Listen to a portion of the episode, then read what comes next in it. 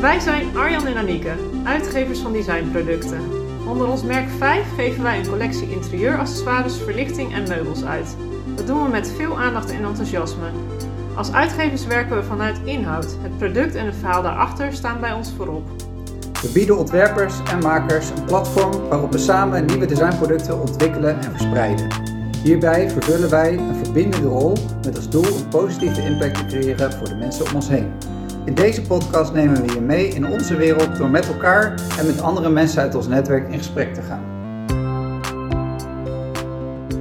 Hallo allemaal, welkom bij deze nieuwe aflevering van de 5 podcast. En deze aflevering gaan we het hebben over uh, de derde stap van uh, 5 en dat is in dit geval vertalen. Um, en dat is eigenlijk de centrale fase van ons uh, proces. Um, voor wie ons nog niet kent, uh, mijn naam is Anieke en naast mij zit Arjan. En wij zijn uh, samen de founders van Vijf. En uh, in deze podcast um, zijn we eigenlijk de vijf stappen van, van Vijf aan het, verder aan het uitdiepen. en um, dat zijn eigenlijk vijf fases die ieder product bij ons doorloopt, zeg maar. Dus... Ja, fase 1 um dat is duidelijk, dat is ontwerpen. Uh, dat was de eerste podcast. Fase 2, dat is het verzamelen. Dat gaat over het, uh, het samenstellen van de collecties, om het collectioneren, het cureren van ons. Uh, fase 3, dat is dus vertalen, waar we het nu over gaan hebben. En daarna krijgen we nog het maken, het, het produceren, het, het, het, echt, echt maken van een product. En uiteindelijk het delen, namelijk het uh, verkopen of het, ook het delen door, door verkooppunten van ons en uh, via de webshop, et cetera, met de wereld. Dus dat zijn in een nutshell de vijf fases. En, en de vijf stappen, daarmee vijf dus stappen, ook eigenlijk. Ja. ja, en vertalen ligt echt gewoon in het midden. En dat is, het, het heeft een sleutelrol. Ja. Maar het is ergens ook wat leukst of zo. Vind, ja, vind ik dan. Maar dat, goed, dat is meer mijn ding, zeg maar. Ik vind het gewoon heel tof om iets wat bedacht is, wat uh, we in de collectie op gaan nemen, om dat dan samen met ontwerper, met producent uh, of, of zelf en gewoon in ieder geval alle, al, met alle partijen die we bij nodig hebben, om dat te vertalen tot iets wat maakbaar is. Ja. Uh, want dat is namelijk niet vanzelfsprekend. Dat iets wat ontworpen is altijd ook maakbaar is. Nee, zeker niet. En dat is denk ik ook iets wat. Um Um, ja, waar soms ook een beetje het wiel vastloopt of zo. Als uh, in processen van, van uh, iets bedenken tot iets op de markt brengen, zeg maar. Dan is dit eigenlijk waar het soms gewoon een beetje ja. uh, misgaat of zo. En um, of ja, wat, wat, ja, het is ook best, het is niet de makkelijkste fase, zeg maar. Nee, is, uh, hier ga je beslissingen nemen van iets wat je bedacht hebt, wat heel mooi is heel tof is, maar uh, van oké, okay, hoe kan je dat dan daadwerkelijk werkelijkheid laten worden? En er zijn ontwerpers die natuurlijk bijvoorbeeld heel erg vanuit het productieproces denken, of vanuit een handeling of een techniek. Um, dan is het nog steeds de uitdaging om het te laten maken. Maar er zijn ook ontwerpers die veel meer bijvoorbeeld vanuit vorm werken of veel meer vanuit een concept werken. En dan heb je nog minder rekening gehouden met, uh, met, met de maakbaarheid. En wat wij juist proberen ten opzichte van, en niet per se ten opzichte van andere merken, maar waar, waar, wij, waar wij meer nadruk op leggen, is dat wij het wel heel belangrijk vinden dat het, het ontwerpersperspectief, zeg maar, hoe de ontwerper er naar kijkt, de, de creatieve beslissingen, hmm. dat die misschien meer leidend zijn als prijs. Wat de valkuil hier is heel erg uh, van, oh ja, maar dit mag het kosten, uh, want anders kunnen we het niet verkopen of zoiets. En dat je uh, niet alleen echt concessies gaat doen, maar ook gewoon echt aanpassingen gaat doen die, ja, misschien het ontwerp zelf ook wel gewoon op een bepaalde manier niet doen. Waardoor het gewoon het net niet is. En ja, ik vind het gewoon wel belangrijk als, als je iets ontworpen hebt en als wij het in een collectie opnemen, het moet wel gewoon helemaal af zijn. Ja. Tot, tot, aan het stickertje op de verpakking en het logootje in het doosje en uh, de, de, zover. Maar ook gewoon materiaalkeus, weet je wel. Je wil daar gewoon... Je wil daar niet, geen concessies in doen, maar soms word je daar... Zo min mogelijk Zo min mogelijk, ja. En soms word je daar toch, toch wel door gedwongen. Want als je bijvoorbeeld uh, iets uh, in kleine series maakt, bij, met lokale partijen kan het soms zijn dat het daardoor relatief duur uitvalt. Omdat het kleine series zijn. En dan kun je of je serie groot omhoog gaan doen, of uh, het ver weg laten gaan maken. Dat, beide zijn niet echt keuzes die wij vaak maken. Of je gaat samen met de producent kijken van... hé, hey, maar wat, wat nou als we, als we dit hier aanpassen? Of kunnen we daar nog wat tijd winnen? Of, weet je, je gaat het gewoon efficiënter proberen te maken in dialoog met iedereen. En, en, en dat vind ik wel tof aan die vertaalfase bij ons. Dat is niet iets, dat, dat doen wij... En dan rolt dan een tekening uit en plop en dan is het klaar. Maar het is echt iets wat we met z'n allen doen. Nee, die kaders zijn inderdaad niet zo um, uh, van tevoren bedacht of zo. Dat, dat ontstaat inderdaad in het proces. Dat is wel heel leuk.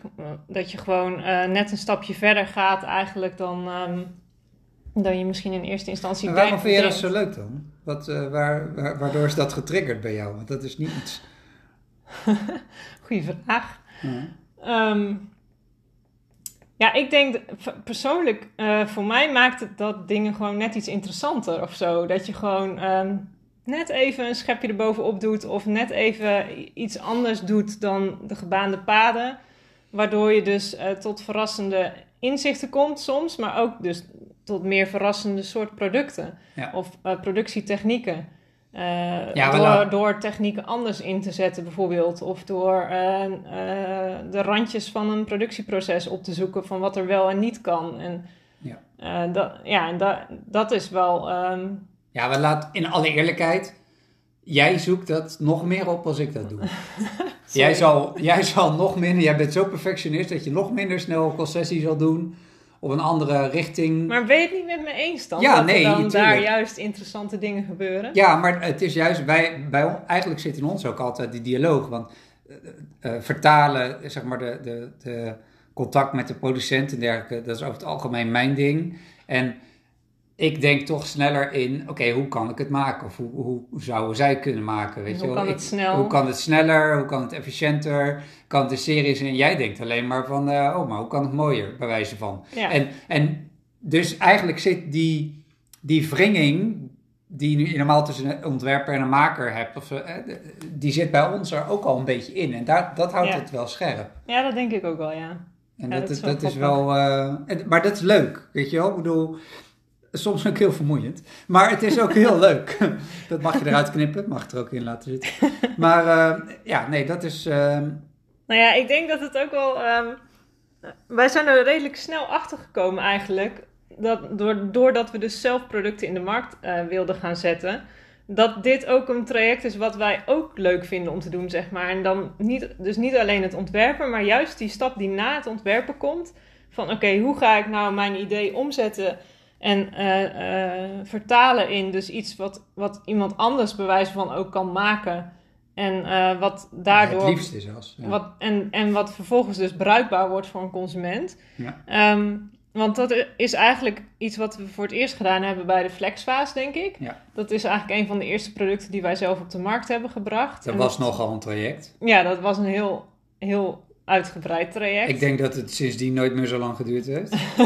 nee dat denk ik ook niet. Maar, dat, uh, maar, maar toch heeft dat wel iets in ons getriggerd op de een of andere manier. Dat we daar dus juist die uitdaging in zagen. Ja. En ik denk ook wel dat het misschien een zo'n lang traject is geweest. Omdat het de eerste keer was dat we dit deden. Ja. We hebben natuurlijk echt enorm veel geleerd daarvan ook. Doorvallen en opstaan. En um, ja, dat, dat, neem je nu allemaal mee in. Als, je nu, als we nu met een nieuw product bezig gaan, weten we echt al wel uh, um, de paden wat duidelijker te bewandelen, zeg maar. Vaak is dat zelfs al, houden we daar al rekening mee in het verzamelen, zeg maar. Ja. Um, maar het is, het is niet zo dat dit bij alle, het is een centrale fase, maar het is niet zo dat het bij alle producten ook daadwerkelijk uh, zo is. nodig is. Nee, neem het uh, Pigments Porcelain van Alisa Ninke of de Tap Water Care of, van, of Archival Waterware van Lotte de Raad. Dat zijn allebei dan, dan toevallig ook weer keramiekproducten die dan ook in de regio of door de ontwerpers zelf gemaakt worden. Maar daarbij hebben we niet per se echt een heel vertaalproces gedaan. Nee. Behalve bij Pigments hebben misschien later ook gewoon een kommetje toegevoegd met dat soort dingen. Maar die hebben wij dan wel, niet. We hebben wel naar uh, series um, gekeken zo van oké, wat, wat heb je nou nodig in een collectie, zeg maar. Dus hoeveel, hoeveel soorten kopjes en hoeveel kleurkeuze, kleurkeuze en dat soort dingen. Verpakking. Ja, dat, dat hoort natuurlijk ook allemaal wel bij de vertaalfase. En het misschien wat gestroomlijnder maken of zo dan, dan het random wat het Drie maten op voorraad, eh, klaar. Ja, dus het gewoon iets praktischer maken van alles, zeg maar. Dat, dat, denk ik wel. Maar inderdaad, uh, meer uh, echt het productieproces is daar natuurlijk verder, was al redelijk uh, in kan en kruipen. Maar als je, dat, als je dat dan vergelijkt met bijvoorbeeld een, een longshade... Mm Of een Malda-lampje, wat we net nieuw hebben. De, de longshade, dat hebben we... Ja, ik met, met Laurens vooral van Daphne Laurens. We hebben we echt best wel. Kijk, Daphne Lau hadden natuurlijk het, de, het ontwerp gemaakt, maar toen we hebben samen wel heel erg gepuzzeld van oké, hoe gaan we dat dan maken? Niet alleen het houtwerk en hoe, hoe monteer je de kappen, maar ook uh, hoe, uh, hoe zit het LED, uh, het LED, de LED-drivers erin en de LED-strips. Ja, hoe zorg je dat het dimbaar is? En... Ja, precies. Dingen die dus elektra in zich hebben, die zijn sowieso al best wel een stukje ingewikkelder. Ja, LED maakt het wel eenvoudiger op een bepaalde manier. Ja. Ook wel ingewikkelder, maar ja. Maar dat is echt een compleet ander uh, proces dan wat je nodig hebt voor keramiek bijvoorbeeld. Ja. Dus dat, en dat maakt het dus ook weer zo superleuk, deze fase. Dat we dus elke keer met een andere soort producent eigenlijk te maken hebben. Ja, we hebben het nu eigenlijk alleen over de ontwerpers. Want dat is, dit is ook wel een belangrijke. Want jij zegt producent. Mm. wij hebben best wel vaak dat we in deze fase juist die, in die vertaling eigenlijk gelijk, dus als je bijvoorbeeld een prototype maakt, hebben wij er de voorkeur voor om dat ook gelijk te laten maken bij degene die het uiteindelijk gaat maken. Zodat ja, en dat, de maker mee kan denken. Dat is dus precies die verbindende rol die wij eigenlijk hebben. Hè? Dat is dat bruggetje wat wij dan slaan van... oké, dit, dit is wat de ontwerper heeft bedoeld met het product. Dit vinden wij er zelf heel mooi aan bijvoorbeeld. En dan, uh, hoe gaan we dat dan overbrengen op een producent die het ook gewoon kan maken zoals wij dat dan met z'n allen graag willen, zeg maar. Ja. En, uh, en heeft diegene misschien ook nog uh, input daarvoor. Want dat, nou is, dat is ook graag, nog interessant. Ja. ja. Want dan krijg je op een gegeven moment van oké, en wat gaat het dan kosten? En uh, oh, dat is een beetje duur. Of oh, dat valt mee. Of uh, oh, kan dat ook anders? en je krijgt heel vaak horen, ja, dat kan niet. Want misschien hebben ze niet de juiste machine. Of ze hebben niet de juiste ik weet het niet, materialen in huis, of ze hebben het nog niet eerder gedaan, of, of, of de ontwerper heeft weer iets bedacht wat die kan. En dat is prima, dat is juist leuk, want daardoor kom je ergens anders. Maar daar moet je wel doorheen. We moeten wel best een dikke huid hebben om daar doorheen te prikken. Ja. En, en ook wel gewoon opties bekijken, hè? gewoon andere productiemogelijkheden. Of, uh, ja. ja, dat is wel leuk.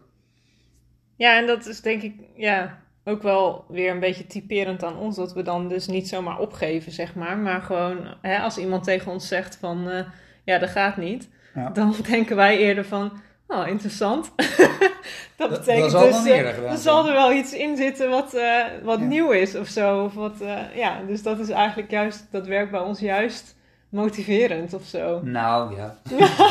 Op een bepaalde manier dan. Nou, wat wij wel altijd doen, proberen te doen in, in die ontwerpfase, vaak heb je dan een ontwerp, ook wel vaak, of in de vertaalfase, je hebt ook wel vaak een 3D-model of iets dergelijks. Maar als dat er niet is, maken we die wel vrij snel meestal van een mhm. tekening. Gewoon dat je er gewoon toch even, voordat het al, ook al prototype gemaakt wordt. Want ja, prototype is niet per se altijd nodig, maar vaak wel fijn. Maar probeer je toch iets te maken zodat je er een beetje omheen kan draaien. Dus een 3D-model is toch ook altijd wel fijn. Of je maakt even wat testjes, of uh, ja, het is wel. Uh... Ja, ja en, en wat betreft producenten, zeg maar, dan uh, daar zijn we eigenlijk nu ook wel met een leuk traject bezig. Hè? Met een nieuwe stoel van Floris Hovers zijn we bezig. Ja. En dat is eigenlijk ook alweer echt een voorbeeld van een product wat dus... Ja, waar, waar zoveel mensen bij betrokken zijn eigenlijk. Ja, is dat? Ja. Ja, want Je hebt, Floris heeft eigenlijk de basis bedacht. En ook toen zijn wij al met hem gaan sparren van... Uh, oh, uh, dit detail, dat detail, hoe kunnen we dat eens doen? kan het nog iets... Ja, de basis is nu zelfs dat de het is een stoel die bestaat uit allerlei latjes. Ik weet niet, op het moment dat je dit luistert, is het misschien wel of niet al gelanceerd. Maar als je hem ziet, denk je, ah, die stoel. Hij bestaat allemaal uit dezelfde profiel latjes. Van 18 bij 36 mm. En, en daar is die hele stoel eigenlijk uit opgebouwd. En het idee daarachter was dat we twee houtsoorten, Akoya en eiken. Akoya voor buiten en eiken voor binnen. dat, het, dat we eigenlijk uh, de latjes op voorraad gaan leggen. Ja. Dat is in ieder geval nog steeds het idee, maar we zitten nog in de vertaalfase. Want nu is de uitdaging, in dit geval aan mij, om te zorgen dat ik dusdanig iets van een mal of iets maak dat als er een order is voor een paar stoelen, dat je ons eenvoudig die latjes in de, in de mal kan klemmen, uh, lijmen, schroeven, klaar, zeg maar. Dat, dat is het idee. Ja. Dat is nog niet zo, maar dat is wel het idee. Ja. Ja, en dat is dan dus ook weer een hele andere manier van benaderen van het produceren van een stoel, zeg maar. Want uh, normaal, ja, bestaat een stoel misschien uit heel veel verschillende soorten onderdelen. En in dit, in dit geval is het dus eigenlijk maar één onderdeel wat heel tijd herhaald wordt. Ja. En, um, en daarmee uh, ontstaat er in, in één keer een stoel met een hele specifieke vormentaal ook nog eens. dat is wel echt. Ja. Maar dan heb je stoel, dus één. Ja. Uh, daar ben je er helemaal niet, want de stoel, en dat is wat jij net bedoelde, denk ik. Um, er zit uh, bekleding op, uh, stoffering, zeg maar, optioneel. kussentjes, optioneel. En zowel voor binnen als voor buiten. En de uitdaging is om dat dan dus met zo'n eigenwijze stoel dan toch weer samen te laten komen. En dat heeft Floris heeft dat, heeft Floris dat bedacht. Ja, Floris heeft er wel een proto in gemaakt volgens mij. En toen zijn we vrij snel met, uh, met Partijn, onze stoffeerder, aan de slag gegaan. Ja. Om te kijken of we daar, uh, ja, of hij er iets ja, voor Floris heeft een aanzet gegeven inderdaad. En Martijn is daar eigenlijk op doorgegaan. Ja, dat is te gek. Dat is echt, echt, ja, het zit echt heel goed in elkaar. Voor ja. een simpel kussentje, zeg maar, is het echt... Uh, ja. Nou, de uitdaging was natuurlijk inderdaad om dan iets te bedenken wat dus um, binnen eruit ziet als zijnde van gewoon een beklede stoel.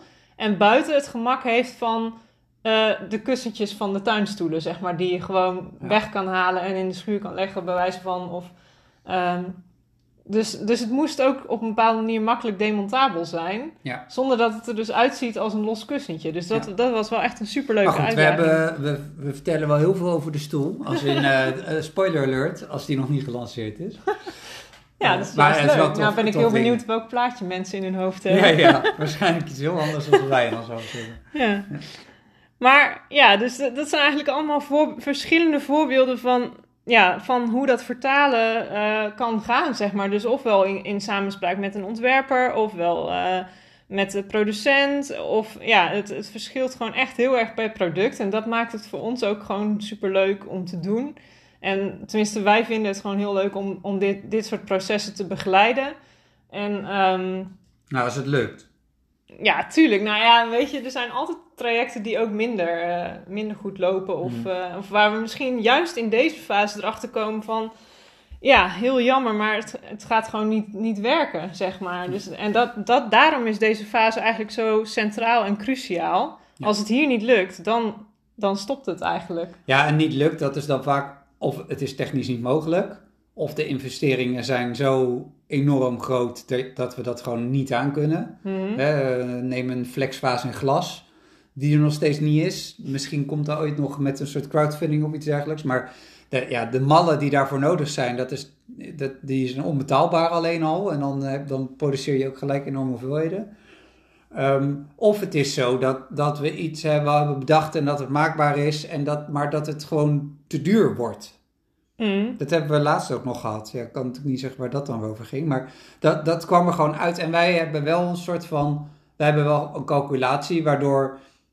Wij weten wel wat wij ook wel nodig hebben om het label te kunnen laten draaien. En de ontwerpers een, een, een, nette fee uit te betalen. En, uh, of, of, of winstdelingen, hoe dat gaat. Maar in ieder geval.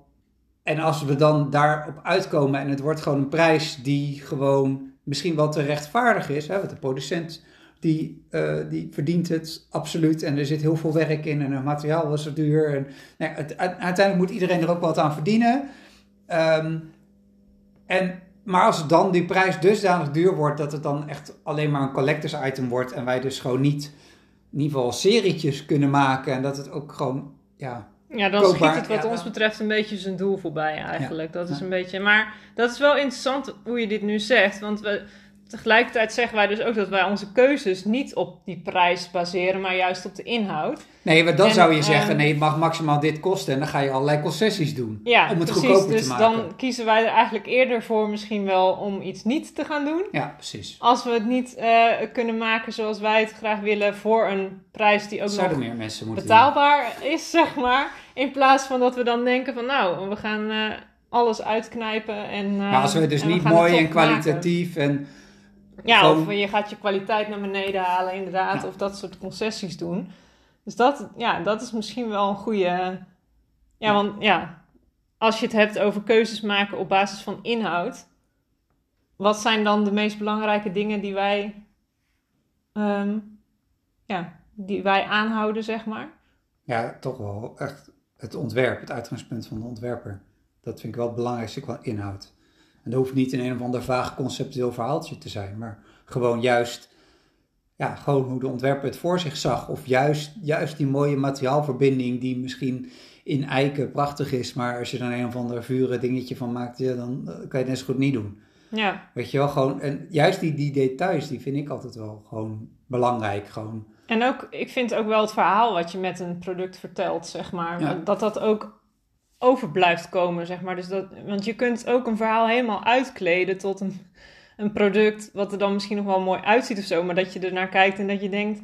"Wa- Wat, waarom is dit zo? Ja. Dan ben je dat kwijt, zeg maar. En dat vind ik bij ons juist altijd wel de meerwaarde... in ieder geval bij de producten in de vijf-collectie... dat er ook... Dat, je, ja, dat er een verhaal aan het product vastzit, zeg maar. En ehm, Eigenlijk is het het meest. Ik, ik zit even te denken aan bijvoorbeeld de Cotrack bij de Meter van Maarten Baptist. Die hebben we al best een tijdje in de collectie.